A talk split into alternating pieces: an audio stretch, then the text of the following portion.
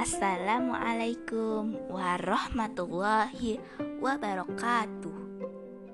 Kembali lagi bersama saya Asna di podcast Bu Jena. Buka jendela dunia. Masih ingat kan kisah Nabi kemarin? Ya, kisah Nabi Sulaiman alaihissalam. Raja terkaya sedunia.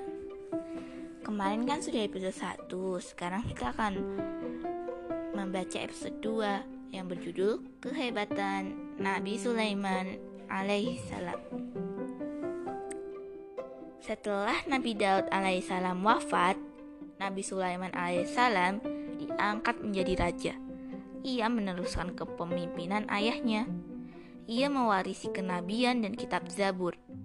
Selain menjadi raja, ia juga seorang nabi. Nabi Sulaiman alaihissalam dikenal memiliki pengetahuan yang sangat luas. Kebesaran jiwanya membuat manusia, hewan, jin, dan angin tunduk kepadanya. Bahkan, jin-jin rela menyelam ke dasar laut mengambilkan mutiara-mutiara yang indah untuk Nabi Sulaiman alaihissalam. Selain itu, bila ingin berpergian jauh, Nabi Sulaiman alaihissalam cukup duduk di atas sajadah karpet.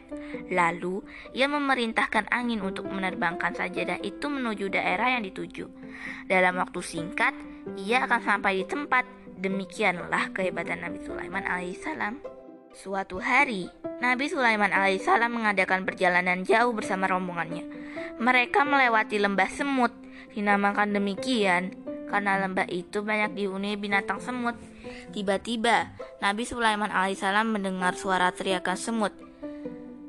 Hai semut-semut, cepatlah masuk ke dalam lubang. Sulaiman dan bala tentaranya akan lewat sini. Jangan sampai kalian mati terinjak-injak oleh kaki mereka. Nabi Sulaiman alaihissalam yang mengerti bahasa binatang tersenyum. Kemudian ia berseru kepada pasukannya. Berhenti. Hal ini untuk memberi kesempatan pada semut-semut itu untuk menyelamatkan diri dulu.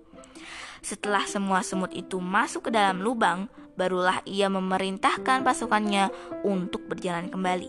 Demikianlah kebaikan hati Nabi Sulaiman alaihissalam kepada binatang terkecil sekalipun ia tidak mau menyakiti. Hingga ketika mereka sampai di lembah semut, berkatalah seekor semut, "Wahai semut-semut, masuklah ke dalam sarang-sarangmu, agar kamu tidak diinjak oleh Sulaiman dan bala tentaranya. Sedangkan mereka tidak menyadari. Surat An-Naml ayat 18